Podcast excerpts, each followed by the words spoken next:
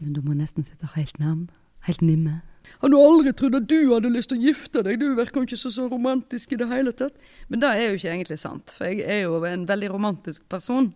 Jeg er, så nå snakker jeg som en uh, foss, og fort går det. Break on through to the other side.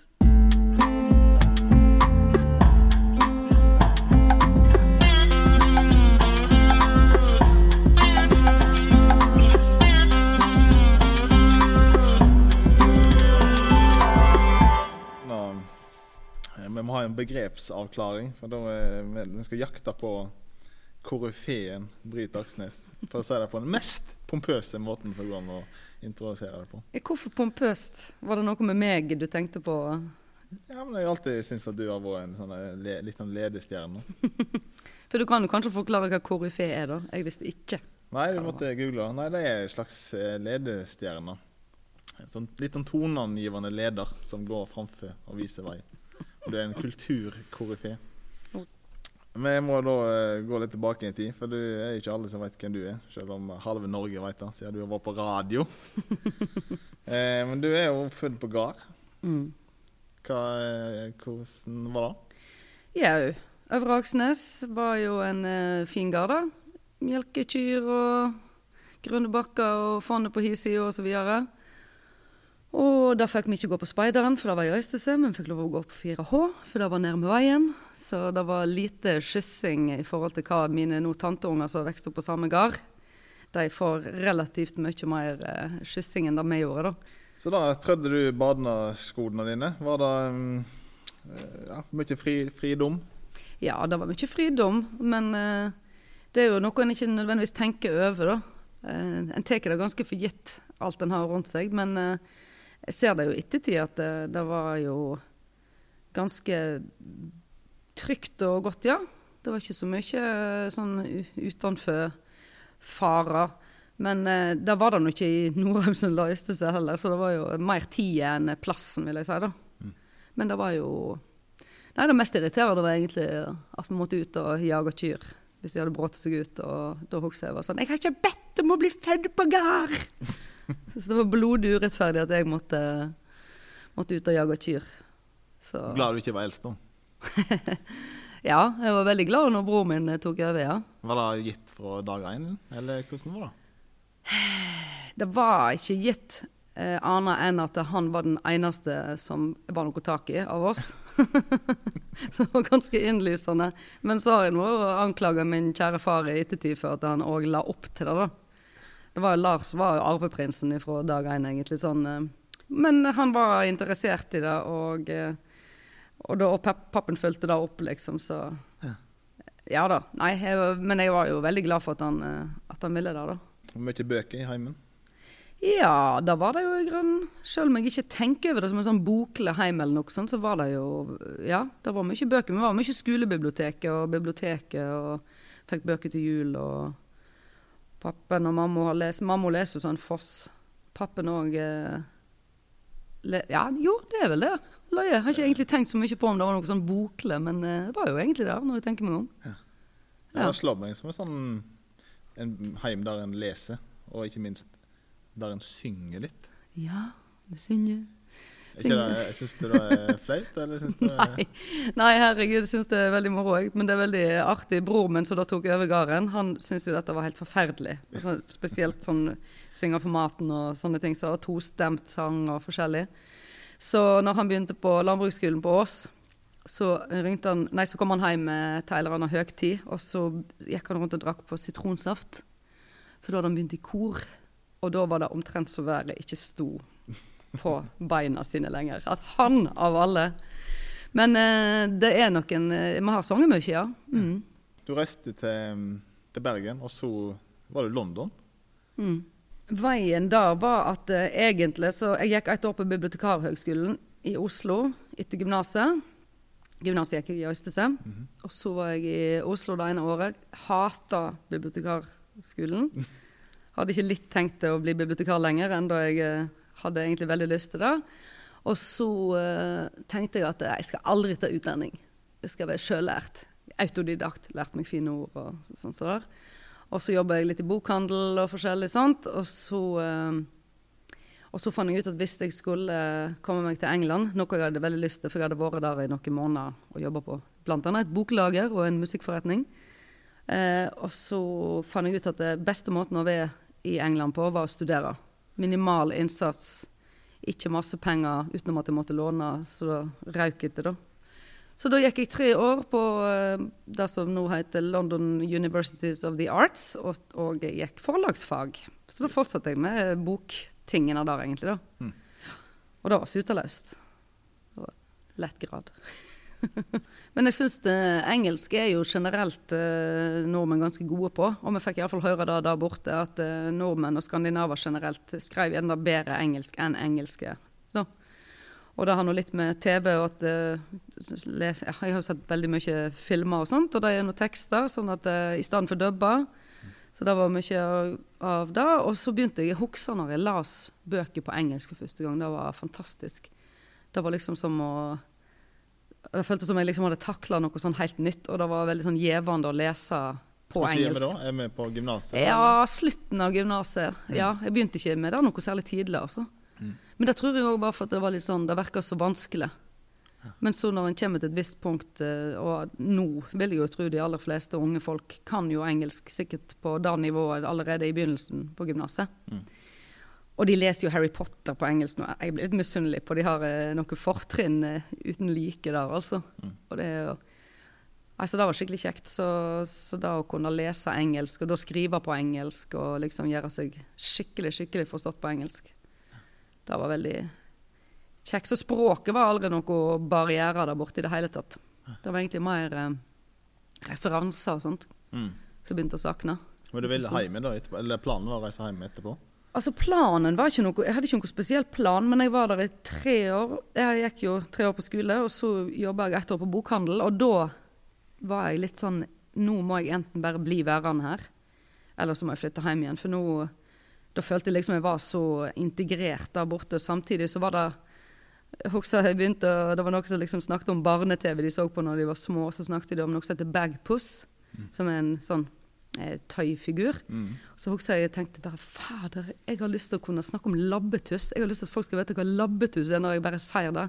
At jeg ikke hele tiden må være den som skal forklare, og de som ikke skjønner det. da. Mm. Og det føltes, det, det føltes veldig sånn som å, å, å forstå litt hvordan det er å du kan språket, du kan liksom alle reglene, men du blir ikke helt forstått allikevel som utlending. Mm. Og da tenkte jeg nei, jeg vil hjem. Jeg vil skrive norsk.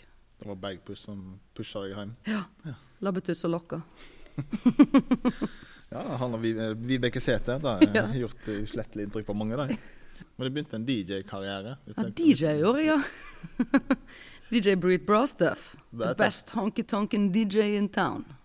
Det er tøft. Ja, det var tøft. Jeg hadde et veldig godt motto. Country is the new western. var, det en, var det en bugnende karriere? Tja, eh, teknisk eh, var jeg vel ikke sånn uh, veldig mye å skrive hjemme om, men det var på den tida, som var da i 2002, tror jeg det begynte, og så gjorde det da i to år. Da var ikke country sånn veldig på topp, liksom, så det kom en del folk, da tilreisende fra andre deler av byen fordi de hadde fått med seg at det var en country-DJ i Shoreditch. Så det var jo utrolig moro, da, men det var jo en knøta liten plass. Så nå i koronatida så har vi ikke vært plass til mer enn fem stykker der inne, sikkert. Så. Nei, men du, altså Den offisielle historien da er at du trakk fulle hus? Jeg trakk fulle hus, mm. men jeg var òg på trykk i Time Out sin uteguide. Oi. Og det var faktisk ganske kult. For det er jo over alle plasser i hele London så var jeg nevnt som da The Best Honky-Tonken Norwegian DJ in Town. Og det står liksom svart på hvitt. Da må du ha printa ut? Ja, vet du hva, Den har jeg liggende en annen plass, men jeg har faktisk ikke ramma det inn ennå. Det burde jeg jo. Men jeg husker et musikalsk uh, møte med, med, deg. Da gjorde jeg uslettelig inntrykk. Det var på en volleyballbuss til, eh, til Austevoll en vinterdag i 1996. Alle hørte på Spice Girls. Alle så ut som Jennifer Aniston, utenom én person. Og da var Brit Aksnes som satte på The Doors med 'Break On Through' og headbanga i andbussen. Da var jeg selv. Du var fire år eldre enn meg. Det var, det var tøft. Da var du den kuleste jenta i hele Kvam. Altså, Da var jo du en ganske kul gutt som så det der, da vil jeg jo påstå, hvis du skal gi kreden tilbake. Men eh, ja, det er sant. Det var ja, morsomt, ja. Det husker du. Ja, det kommer jeg aldri til å glemme. The Doors, altså. Men jeg hadde jo den løgneste stilen, da. Ja, men Så jeg tror ungdomsskolen var en litt sånn der gryende Jeg tror jeg gjorde runder veldig mye på ungdomsskolen. Da bare fant jeg liksom Først så ville jeg være med de kule jentene, og de var virkelig kule, og de er kule fremdeles. Men jeg skjønte jo på en måte at jeg, jeg er jo ikke sånn som liker så godt å danse, f.eks. Eller jeg er, jeg er bare måtelig stilig i klærne, liksom. Jeg kommer aldri til å sminke meg spesielt uh, masse eller bra. uh, sånn at eh, jeg tror jeg ville fant vel mer ut at det som var meg, var jo eh, mer litt sånn hippie-stilen. Det var- 90-tallet var jo som en ny hippietid på mange måter. Og det passet meg veldig godt med den grunge-tida og alt dette her med at vi liksom kunne Jeg var forresten ikke veldig grunchete, da. Jeg var liksom veldig inne i Frank Zappa og Johnny Mitchell og de tingene på gymnaset. Så jeg var mye mer sånn eh, Skulle vel egentlig ønske at jeg bodde i Laurel Canyon i Los Angeles, liksom. Selv om jeg tror ikke jeg visste så mye om de plassene akkurat da. Eh, og så var, var det jo veldig sånn gryende politisk vilje i oss. Altså, jeg var aldri med i Natur og Ungdom, men mange av de som jeg var masse med, var da. Jeg ble feminist, eller sånn uttalt feminist, og vi var veldig liksom på at vi var så, så opp til de som liksom var raddiser, da. Og skulle, på- skulle på en måte ønske at vi kunne gå i demonstrasjonstog. Og det gjorde vi for så vidt en gang. Det var en sånn her eh, atombombedemonstrasjon i Bergen. Og vi var helt Åh, det var liksom som å leve drømmen. og så så noe mer eller mindre ut som et takras i Klesveien. Jeg hadde en varierende garderobe av skjørt utenpå bukse, som var veldig vanlig da, som vi for så vidt går en del med fremdeles. Og litt sånn saueskinnsfrakker og sånn. Ja, og så hadde jeg ingen sminke i fjeset utenom knall rød eller knall rosa leppestift. Typisk. Ja, det var helt forferdelig. Det ser ikke ut når jeg ser på de bildene. Ja, du har bilder av det. Ja, ja, jeg ser sånn bleik og sånn der eh, fjortis kvapse, eh, kvalpefettet ut. Og så med litt sånn, sånn ufiks på håret. Jeg klipte bare rett av. Dagen før vi skulle ta bilde i andre klassen på gymnaset, så bare tok jeg opp hestehalen min og klipte hele greia av.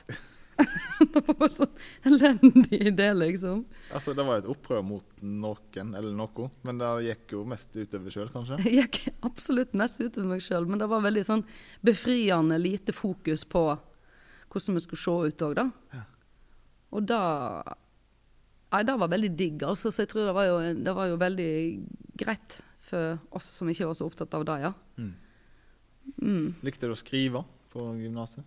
Nja Jeg syns jo det var veldig kjekt å skrive. Altså likte jo å formulere ord og setninger og sånt, på en måte, men ikke, ikke i noe sånt. eh, Det var mest sånn i skolesammenheng, egentlig.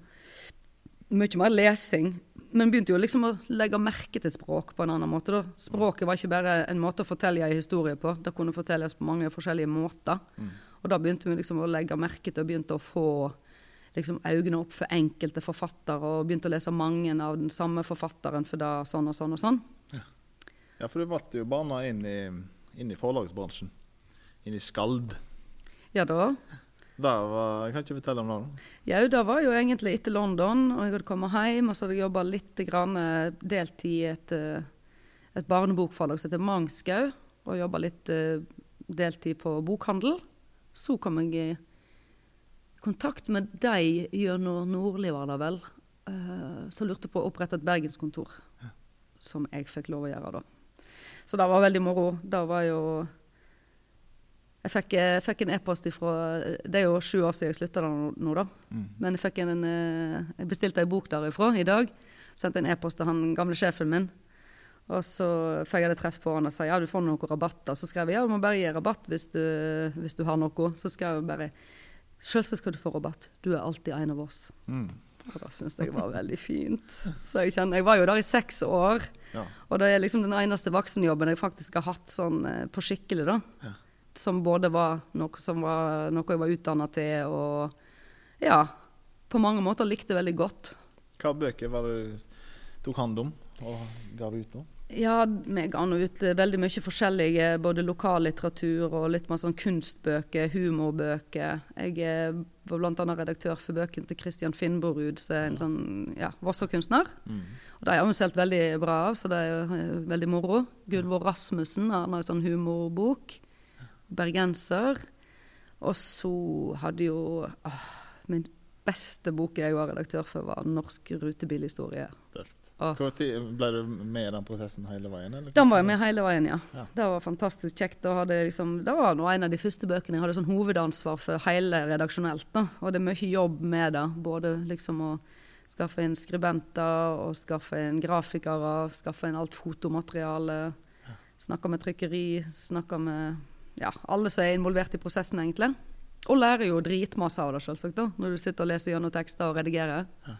Omsida var så flott. Jeg var så veldig fornøyd med den, for den var bare helt blå, og så med hvit kant.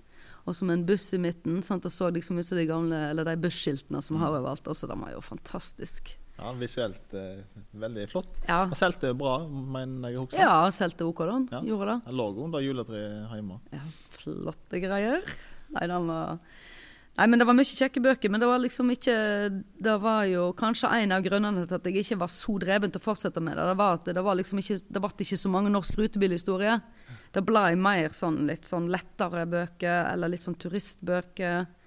Eh, lagde ei veldig fin som heter 53 opplevelser i Hordaland. Ja.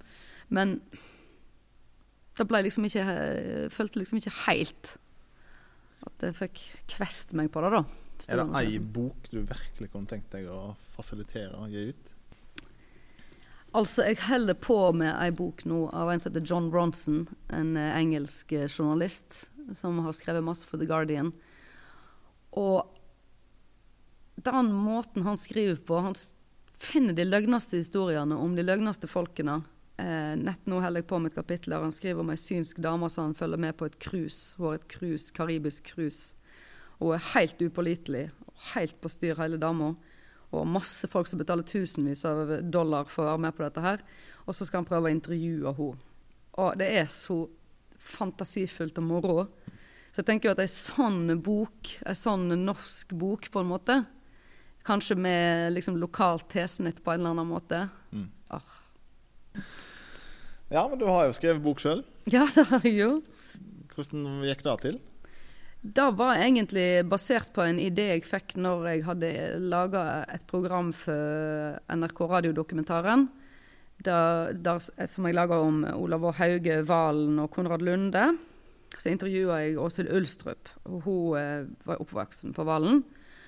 Og hun snakka i vei om alt mulig, og bl.a. ei bok hun skrev i 1978 som heter 'Menn og elskere'. Som var da intervju med menn i alle aldre og alle plasser i landet, og anonymt. Og så spurte jeg ut om livet, følelser, familie, sex, samliv. Og så hadde jeg lyst til å lage en oppfølger til det. Og så lagde jeg først et radioprogram der Åshild var med. Og så gikk jeg videre med ideen og snakket med et forlag som heter Pelikanen, som jeg eh, kjente Yngve Knausgård. Han var en av de som var med i å starte opp forlaget sammen med sin kjente bror Karl Ove. Og så eh, var de veldig interessert. Og så gjorde jeg egentlig samme prosessen som hun. Så reiste rundt og intervjua masse, masse, masse menn. Og resultatet ble da boken som heter Mann og menneske. 'Kom ut i 2018. Den lå òg under juletreet'. yeah. Og veldig mange juletre, tror jeg. Ja, da gikk, eh, gikk jo fint da der. Det var jo eh, litt sånn eh, løyen bok å skrive, for det var jo ikke mine ord. Det var jo ordene til mennene, som jeg bare på en måte setter i system eller rekkefølge, om du vil. da. Så sånn sett så har jeg jo ikke gitt ut ei bok som er meg sjøl. Og da kjenner jeg at det er litt skumlere. Så det var veldig deilig å bare skrive ei bok som var bare andre folk sine ord. Det skumleste med mannemennesket var jo å skrive forordet, nesten, for da måtte jeg liksom skrive personlig. Jeg mener jo at det, det er en veldig viktig bok. Og den har jo faktisk allerede vært sitert i to-tre mastergrader og forskjellig sånn, så det er jo jeg veldig kry av, da. For jeg føler jo at det var et veldig Det var litt sånn tungt arbeid å reise rundt og prøve å få tak i disse mennene, liksom, og få dem til å snakke. og Du måtte ikke si hjemme at de skulle snakke med meg, og de skulle være helt anonyme. og, og hadde mye forskjellig å fortelle. Og så var det jo ei bok som jeg syns betyr noe for det at eh, selv om menn kanskje tyter mest sånn eh, og mener mest i kommentarfelt og forskjellig, så er det ikke dermed bestemt at alle er representert. Og at litt av poenget med denne var jo at det skulle være litt sånn helt tilfeldig.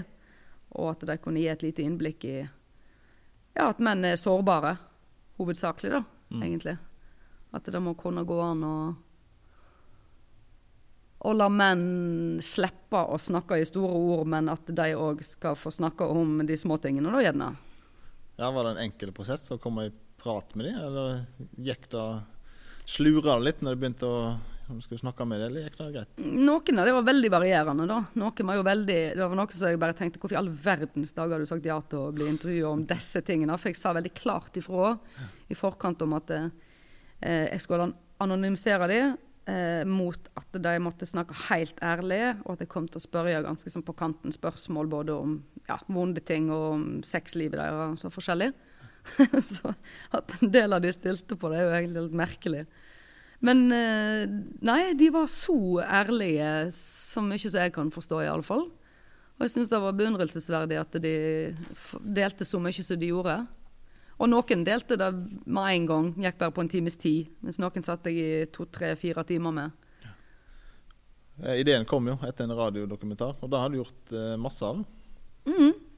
Har det vært tilfeldig? Du, eller søkte du det mot eh, det miljøet der? Var det en, et bevisst valg?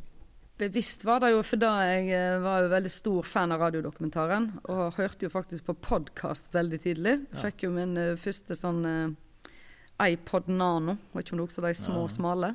De hadde podkast på seg. Og uh, radiodokumentaren sammen med Kurer og Språkteigen de hadde faktisk podkast så tidlig som i 2005. Ja. Så jeg begynte å høre på det i 2006, når jeg fikk med den nanoen. Og jeg kom igjen fra London, husker jeg. Og jeg syns det var helt fantastisk. Jeg tenkte tenk å få lage liksom radiodokumentar. Åh, det var så høyt ragende at det. Og så eh, når jeg slutta i Skald, så hadde jeg noen sånne punkt på ei liste over ting jeg skulle liksom Jeg skulle jo frilanse, da. Mm.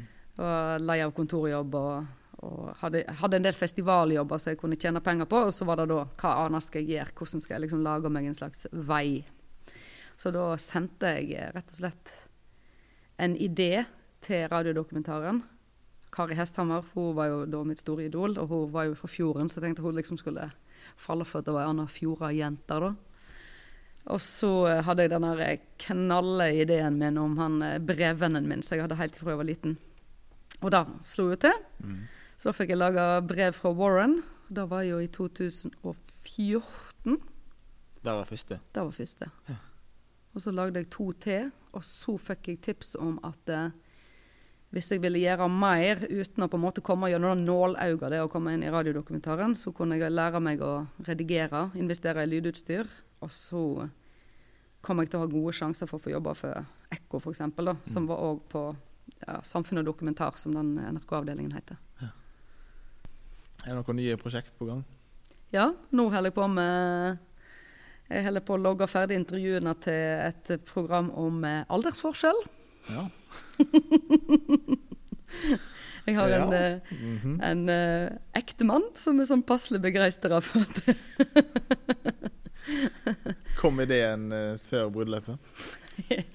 altså, det er en idé jeg har hatt uh, så lenge som jeg har kjent han nesten, da, siden han er 17 år eldre enn meg. Så mm. følte meg jo ganske sånn uh, med en gang Nei, nå er jeg klisjeen. Jeg er klisjeen. Jeg er hun gamle, men unge som blir i lag med han skiltmannen som er mye eldre.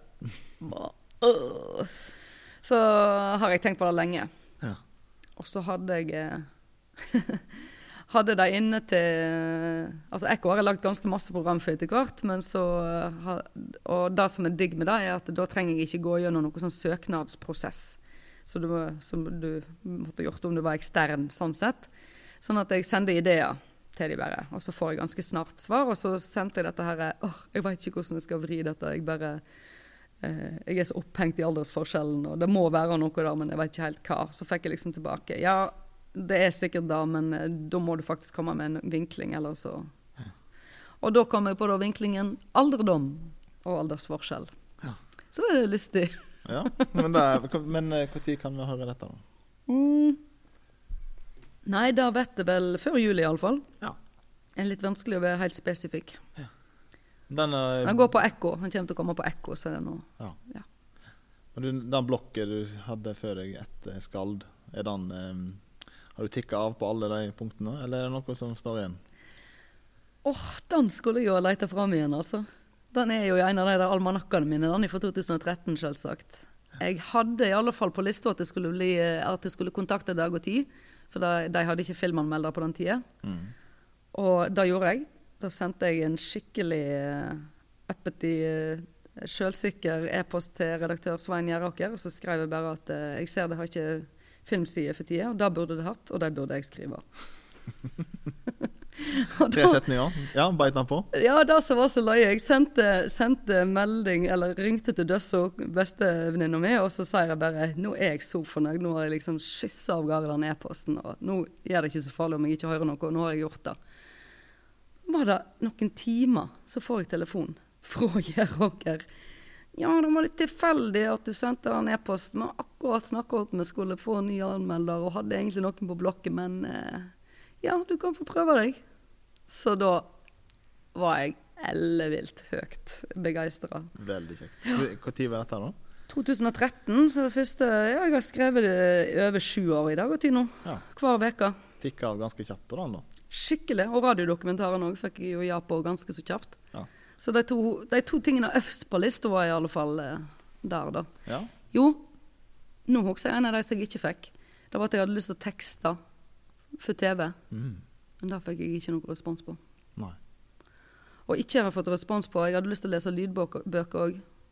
Og det fikk jeg heller ikke. Ja, men det er viktig å ha noe som står igjen. Ja, men nå er det jo Du er ikke pensjonist ennå. Nei, det er sant. Men det, lydbøker er jo, der skal de jo skuespillere til, og da ble jeg aldri, da. Nei. I den vettlige graden jeg noensinne hadde tenkt da. Jeg abonnerte jo på amerikanske filmblader da jeg gikk på ungdomsskolen, så hadde jeg sikkert et mål om å bli skuespiller på et eller annet tidspunkt. da. I, I hele verden, hvis du kunne intervjue noen, død eller levende, historisk person, kjent person, film, folk, hva som helst, hvem er den ene personen du kunne tenkt å intervjue? Gertrude Stein, kanskje? Det er smalt. Da må du forklare. Ja, hun, eh, hun er altså en slugger av en forfatter som jeg kanskje føler jeg identifiserer meg med på veldig sånn der eh, dårlig vis. da. Hun eh, vokste opp på, tidlig på 1900-tallet i San Francisco, og så ble hun del av den litt sånn bohemske gjengen i Paris som hang med Hemingway og Picasso osv. på den tida der. Og hun bodde da sammen med ei dame, Alice B. Tokles, og innlysende kjærester, men det skulle ingen snakke om, før Gertrude Stein. Hun hadde ikke sansen for at damer skulle fære og menge seg sammen med andre folk, så Alice B. Tokles hun skulle være ved på kjøkkenet, mens Gertrude var inne med mannfolkene. Så er det en helt rabiat blanding av en slags tidlig, tidlig feminist og misogynist. En kvinnehater, på en måte. Og hun eh, har altså den mest fantastiske boken som heter Alice B. Tokles selvbiografi. Der hun da skriver som, hun, som om hun sjøl er Alice B. Tuckles, og så skriver hun hvor briljant Gertrude Stein er. det er helt forbanna genialt, liksom. Så jeg tror ikke jeg hadde likt Gertrude Stein, men hun er bare så forbanna kul, liksom. Hun er så eh, løyen. Og tenk for noen historier hun kan fortelle fra det der eh, salonglivet i Paris sammen med den der eh, gutteklubben Grei. Og så sitter hun der breibeint og tøff i trynet, liksom. Og ah, Tipper hun hadde headbanger til The, the Doors på den bussen, hun òg. kanskje. Nei, hun hadde vært veldig interessant i alle fall, det må jeg virkelig si. Virkelig si. Mm. Eh, der kunne det vært laget film om henne. Ja, hun ble jo faktisk Cathy Bates spilte hun jo i denne Woody Allen-filmen, tenker vi om den som heter 'Midnight in Paris'. Eh, men ja, det er sant, det kommer sikkert til å komme, da. Jeg er jo litt på en litt på krigsstien for tida om eh, biograf, bio, biografiske og historiefilmer som eh, ikke da holder seg til biografiske fakta og historiske fakta. Ja, er det noen som er i bildet akkurat nå? Ja, akkurat nå eh, tror jeg de aller fleste etter hvert har fått med seg Atlantic Crossing, den satsingen fra NRK som er mildt sagt tvilsom historisk sett. Og jeg har jo, bare for å legge til din Bare for å legge til hva jeg da driver med sånn på den der, hva du kalte det for, ledestjernefronten, så skal jeg være gjestekommentator i Bergens Tidende. Så denne uka så leverer jeg min første, og den handler da om faktafikling i film. Og da er det Atlantic Crossing som er casen? Blant annet, ja. Ja. Og så er han ganske kjedelig. Skjønner, det er en forferdelig dårlig serie. Det er jo noe Men det er nå ikke Det ødelegger en ikke for de historiske delene. Det er nå bare deres egen feil. The Crown, for eksempel, er jo sånn sett et godt moteksempel, for de òg tukler nok mye med fakta. Men det er jo en sinnssykt mye bedre serie, da. Litt dyrere òg, tror jeg. Ja. Litt mer litt, litt annet budsjett òg. film, da har du jo drevet på masse på med. -hmm. Um, Nett nå ramler det ned i hodet en russisk film som heter Leviathan. Leviathan. -hmm. Den gjorde veldig inntrykk, eh, men jeg husker så lite av den. Nå jeg merker jeg at det blir vanskelig. men den kan jo alle sjekke ut. Den filmen jeg ikke husker mer om. Nei, men jeg har jo veldig brei filmsmak, vil jeg påstå. Det er jo eh, Jeg er veldig glad i dokumentarer. Apropos at jeg ikke er glad i at de tukler med, med fakta. Eh, sett noen fantastiske gode Det er en om en annen forfatter, en som heter James Baldwin, som heter I am not your negro. oh. Den er fantastisk. Det var en fantastisk god en. Og så liker jeg jo masse humor. Jeg så jo masse festlige komedier. Jeg var veldig stor fan av Jim Carrey. Ja, Dum og dummer og Ace Ventura det er jo mitt, etter mitt syn eh, film, filmklubb og cinematekmateriale på øverste hylle.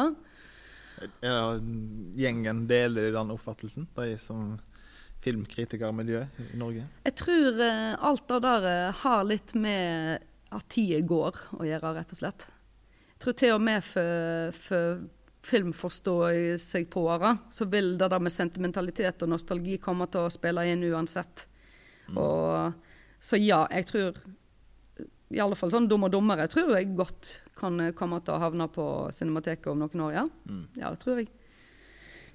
Men jeg så jo masse bra på kinoen. Kinoen i Grove hadde jo filmklubb òg, og det var fantastisk å se sånn som Tatt av vinden og sånn storfilmer inne i Norheimsund. Og, og Kamien som jeg lånte videoer på, hvor ufattelig mye vi på en måte plukka opp fra hele verden med å sitte og glo til ja, langt på natt.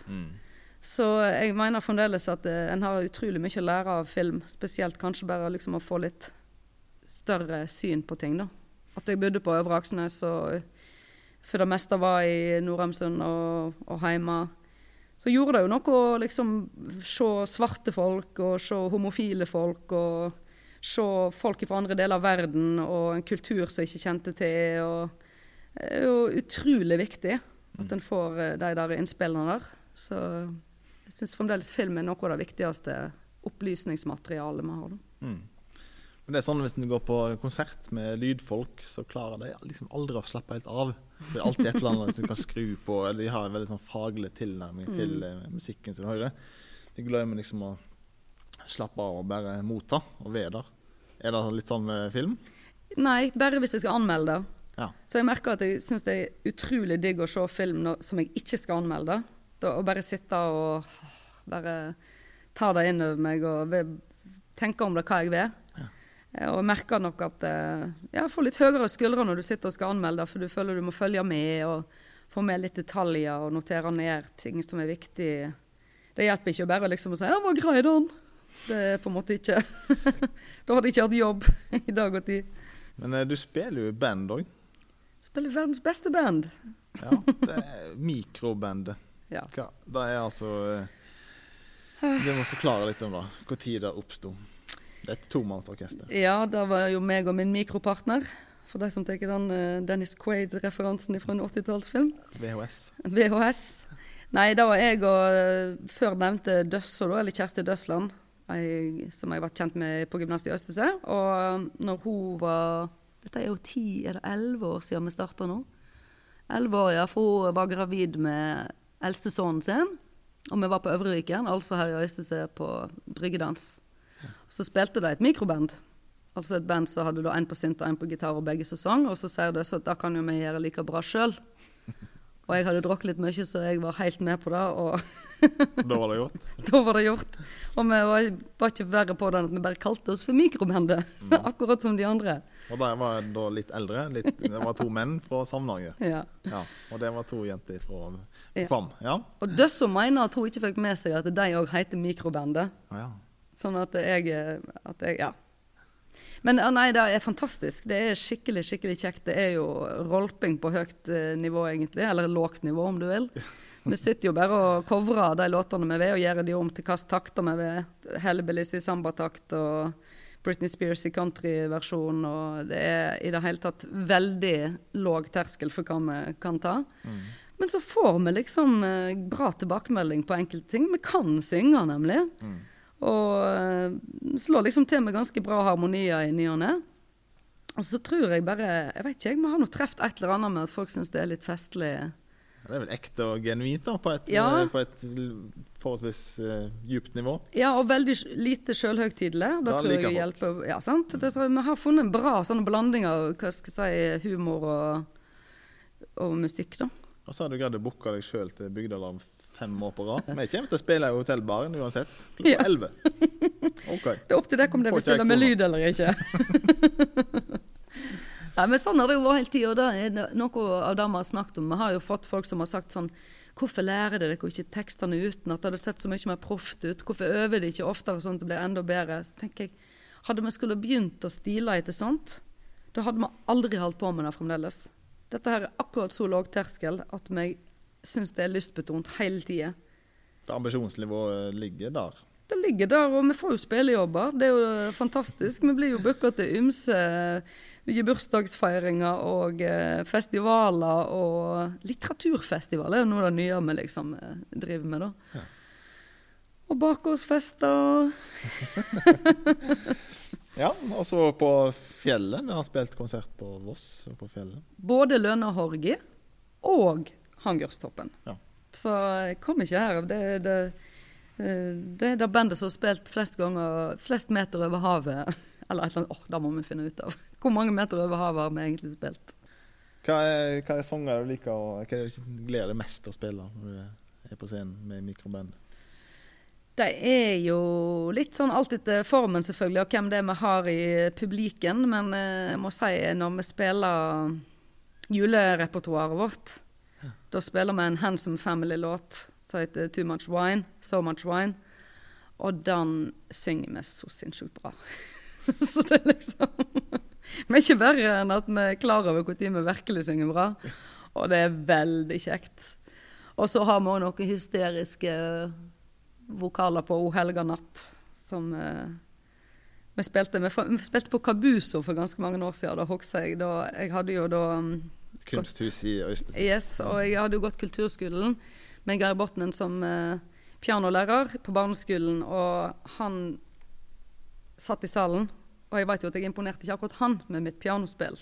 Nå er det Døsse som spiller tangenter, da, men eh, synet av han når vi står og synger O helga natt, og går lyst opp Han sitter med sånne øyne og holder på liksom smiler ut av hodet, hvis du skjønner. Og så der vi liksom går helt opp på topp på slutten av sangen, så bare liksom legger han hodet bak igjen, og som at han har fått masse sånn vind i fjeset. Å, det var ubetalelig syn av min gamle pianolærer, altså. Ja, Veit han om det? At jeg så det, skulle jeg si? Ja. Ja, Godt spørsmål. Det vet jeg faktisk ikke. Det må jeg spørre han Da om. må du spørre han. Ja, det er sant, det. Min favoritt Britney Spears. Toxic. Den, Dan klarer det å levendegjøre skikkelig. Den er, det er en hit. Ja, det er jo den country Den er faktisk veldig kjekk òg. Den er det mange som liker. da. Det, og det er litt kjekt å spille en fantastisk så- låt. Ja, låten i seg sjøl er òg fantastisk. Og den er jo Og det som er så kult, vi har jo en del sånne låter som vi har lyst til å spille som vi, liker veldig godt. Eksempel en vi har hatt lyst til å spille, er Alexis Jordan sin 'Happiness'. Det er en annen sånn her eh, Det er en sånn døgnflue-hit. Men uansett. Den er helt umulig å spille, for den går i én akkord hele tida. Alt er produksjonen. Men det som er med Britney Spears, en del av hennes låter, er ikke bare produksjonen. Det er faktisk skikkelig gode låter. Som er gode å covre, for at de faktisk kan gjøres om på i alle mulige varianter, og det funker. Du vil ikke tenke at den skal funke i countryversjon, funker som ei kule. Vi må avslutte med kjærleiken. Ja. Jeg ser på fingeren din. Du har, du har gifta deg. Fortell om kjærleiken din. Kjærleiken kom jo uventa, som han ofte gjør. Men eh, eh, da var jeg jo 40 og var ganske sånn eh, Ja. På ingen måte misfornøyd med å være singel. Tvert imot. Og veldig behagelig. Spesielt når folk begynte jo å ha vært en stund i forhold, og det var jo sånn passelig opp og ned med dem. Så da tenkte jeg ja, jeg har det nå mye bedre for meg sjøl enn i et halvgodt forhold. Så jeg var faktisk ikke på noe som helst utkikk. Og så fikk jeg et brev i e-postform som jeg ikke skjønte noe av. Og eh, der han fortalte om eh, ja, hvem han var, at han var skilt, og at han hadde fire døtre fra før av. Og, og han hadde sett bilder av meg eh, for jeg skulle holde 17. mai-tale i Norheimsund. Og ble så nysgjerrig på hvem jeg var, og hadde hørt på radiodokumentarene mine og programmene mine. Og, og lurte på hvorfor vi ikke hadde treftes før, og om jeg hadde lyst til å treffe han. Så svarte jeg bare Nå skal ikke jeg være innbilsk her, men er dette en uh, sjekke-e-post? eller ser du bare etter en ny venn, eller er det en ny stemor til dine fire barn du er på leit etter? Da skal du. Ja. Jeg var ganske overgitt over at han kunne egentlig Jeg syntes vel det var litt freidig, da. Ja. Så jeg tenkte jeg gidder ikke å skrive noe høflig tilbake på dette her. Men så tok han jo det veldig bra, da. Ja. Og så avtalte vi å treffes og gå en tur, og så Dette var rett når jeg holdt på å skulle skrive den manneboken, så jeg tror jeg var litt sånn her eh, Det var god timing, da. For jeg var litt sånn Ja ja, nok en skilt, frustrert mann som skal fortelle om livet sitt. Det går fint. Jeg tar han ikke med i boken, men jeg kan nå endelig være grei, liksom. men så gikk det gikk veldig kort tid, altså. Før jeg liksom tenkte For en fyr. Og så gifta du deg. Og så gifta vi oss.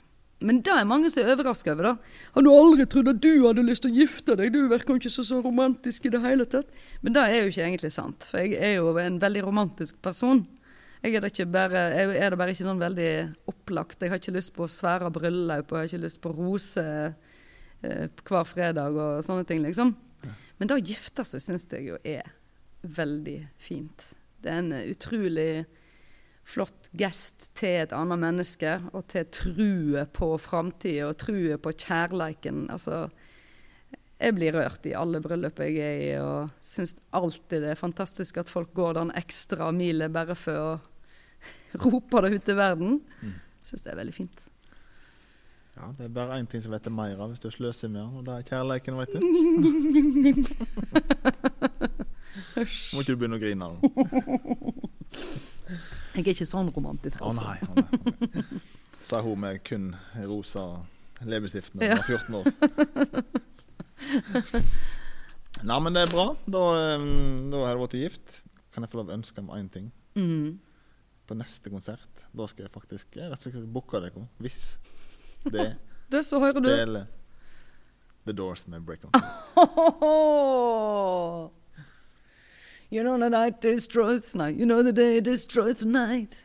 Night destroys the day. Try to run, try to hide.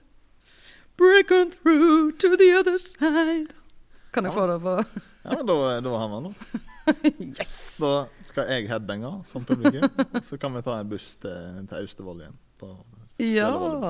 Da, da vil jeg gjerne. Flott. Ha det. Ha det. Break on through to the other side.